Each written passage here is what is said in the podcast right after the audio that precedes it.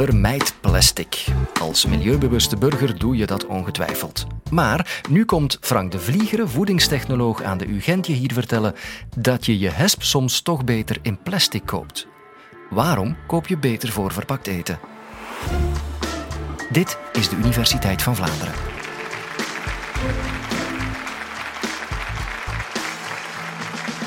Ik zou willen starten met een, uh, drie vragen te stellen aan jullie. En een eerste vraag is, wie van jullie, als jullie naar de supermarkt gaan en jullie gaan een pakje kookgam gaan kopen, gaat op zoek naar de datum of naar een pakje met de langste houdbaarheidsdatum? Ik zou zeggen ongeveer 80% van de mensen. Wie van jullie vindt dat verpakking slecht is voor het milieu? Ongeveer evenveel. Wie van jullie vindt dat er te veel voedselverspilling is? Ook terug bijna 80 procent. Wel, vandaag gaan we inderdaad hebben over voedselverspilling. En ik wil starten met u uit te leggen dat we twee soorten houdbaarheidsdata hebben. De eerste houdbaarheidsdatum is de te gebruiken tot datum.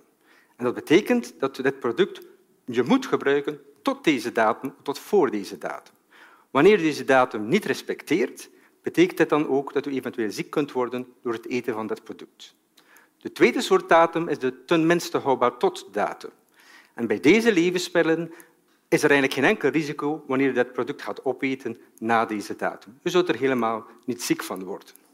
We hebben dus twee soorten houdbaarheidsdata, de te gebruiken tot datum. En denk daarbij bijvoorbeeld aan kookgam, aan rauwe zalm. Dat zijn producten die zeer bederfbaar zijn. De tenminste houdbaar tot data zijn producten zoals een blik melk bijvoorbeeld, een blik die heel lang kan bewaard worden. Een tijdje geleden hebben we aan de consumenten gevraagd, kent u het verschil tussen die twee data? En dan bleek dat 30% van de mensen helemaal het verschil niet kenden tussen die te gebruiken tot en tenminste houdbaar tot datum. Anderzijds hebben we hen ook gevraagd op wat baseert u nu eigenlijk op het moment dat u een levensmiddel in de keuken uit de koelkast neemt en u beslist, ga ik dat nog opeten, ja of nee? En dan bleek dat 58 procent, ongeveer 60 procent van de mensen, kijkt naar die datum en op het moment dat die datum overschreden is, men eigenlijk dit meer gaat gaan consumeren. Nu, over welke producten gaat het onder andere? Dit gaat dus over dus die te gebruiken tot producten en de tenminste houdbaar tot producten.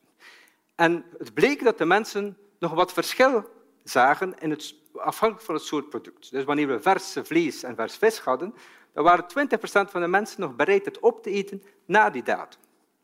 Terwijl bijvoorbeeld chocolade, daar waren 86% van de mensen die eigenlijk een product gingen opeten na deze datum.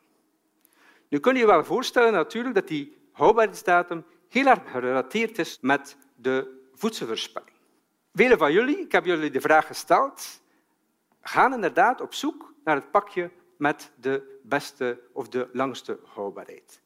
Dit is ook een attitude van de mensen die ervoor zorgt dat bij de retail, bij de winkels, er ook heel veel producten worden weggesmeten, omdat u allemaal op zoek gaat naar dat pakje met de langste houdbaarheid. En op dat moment blijven de winkels met producten liggen die dus net een houdbaarheidsdata hebben die net overschreden is of misschien uh, al een tijdje overschreden is. En dat is uiteraard niet meer uh, verkoopbaar. Wat is nu voedselverspilling?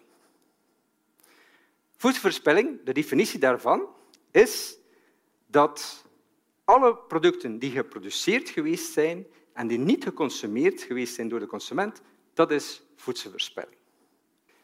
We hebben daar een aantal cijfers over cijfers relatief recent van het Vlaams ketenplatform van de voedselverspilling. En het blijkt dat wij Vlamingen ongeveer 900.000 ton of 900 miljoen kilogram voedsel verspillen. Dat betekent dus dat u, u, u 136 kilogram per jaar eigenlijk verspilt. Waar gebeurt nu die verspilling? Die verspilling gebeurt in een belangrijk deel bij de landbouw, zoals u ziet, 36 procent. Maar ook 23 procent gebeurt effectief bij de consument. Dat betekent dus dat in de huishoudens, bij de consument, grosso modo 200 miljoen kilogram voedsel per jaar wordt weggesmeten. Om dit te voorkomen, wat kunnen we eraan doen? Wel, een van de elementen dat we kunnen doen, is dit gaan verpakken. Want het is inderdaad zo, wanneer we dus gaan verpakken, dat we op die manier een product een langere houdbaarheid kunnen geven en op die manier ook de voedselverspilling zal achteruit gaan. Denk bijvoorbeeld aan het pakje sla. Wanneer u versneden sla zelf klaarmaakt, dan weet u, na één, twee dagen in de koelkast, dan gaat u dat niet meer opeten. Ja? Anderzijds, wanneer u een pakje versneden sla produceert, dan kunnen we daar een houdbaarheid aan geven van zes à acht dagen. Dat betekent dat het product vier keer langer houdbaar is en dus ook dat de voedselverspilling serieus gereduceerd wordt door het verpakken van dit product. Nu, wanneer we nu kijken naar voedselverspilling, moeten we op een of andere manier proberen die voedselverspilling enerzijds en de verpakking anderzijds gaan uitbalanceren. En kijken wat is het effect van voedselverspilling en wat is het effect van verpakking op het milieu. En er is een studie gebeurd door FOSPLUS onder andere en OVAM.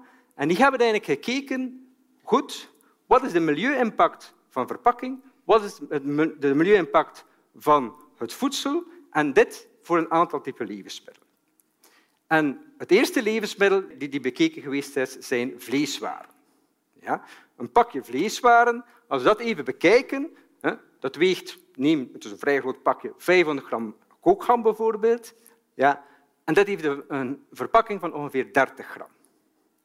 Wanneer je nu uitrekent wat de CO2-footprint, zeg maar, dus eigenlijk de milieu-impact is van enerzijds dit product, dat is 6,12, ten opzichte van de verpakking, dat is 0,28.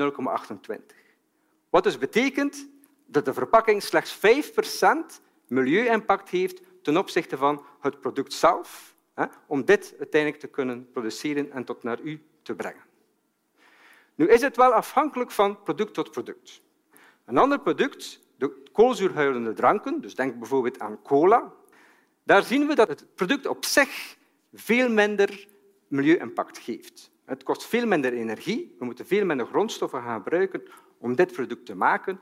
U ziet een eh, kilogram CO2-equivalent van 0,289 slechts. De verpakking 0,115, dan ziet u dat die verpakking al een veel belangrijk stuk inneemt, namelijk 40 procent van de impact op het milieu van dit ganse pakje. Ja? Deze studie heeft dat gedaan voor verschillende levensmiddelen. daar ziet u hier wat resultaten van.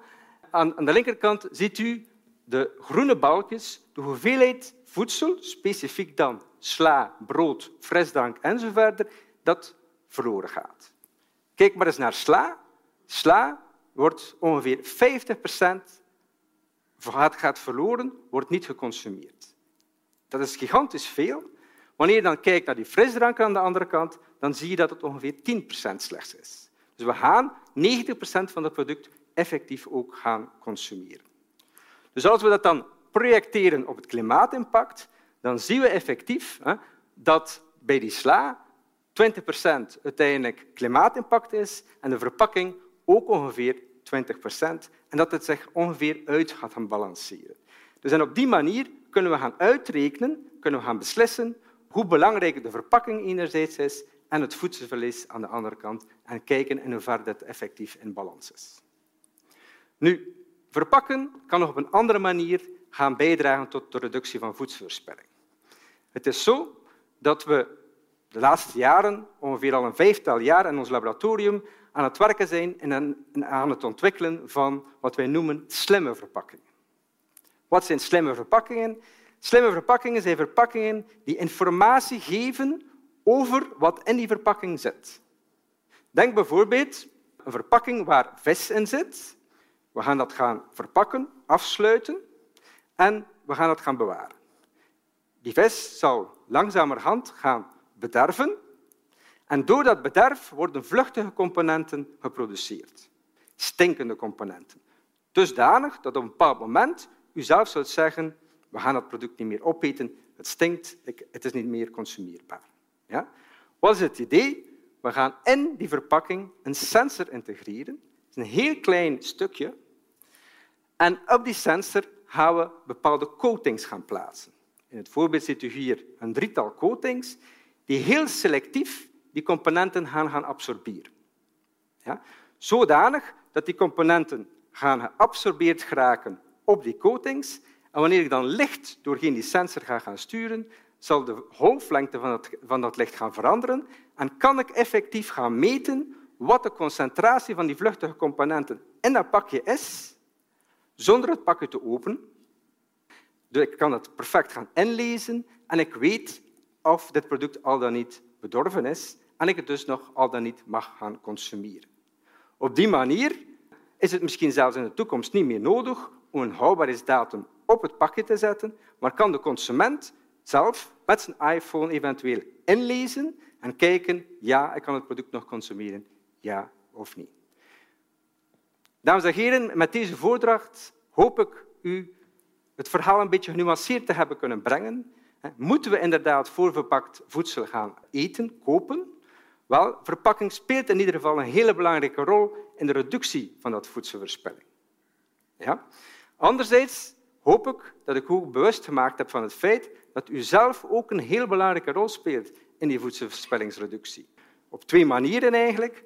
Thuis, wanneer u kijkt naar het voedsel, naar die houdbaarheidsdatum, en u ziet een tenminste houdbaar totdatum staan, wel, dat betekent dat het product op zich nog perfect kan geconsumeerd worden en dat u gewoon even ruikt, even, even naartoe kijkt. Wanneer het aanvaardbaar lijkt, eet u het gerust op.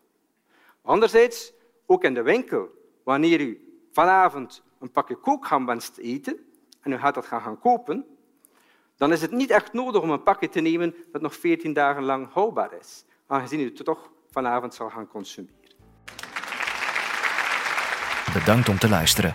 Vond je het interessant? De Universiteit van Vlaanderen podcasts zijn gratis dankzij de steun van Radio 1, KNAK, de vijf Vlaamse universiteiten en de Jonge Academie.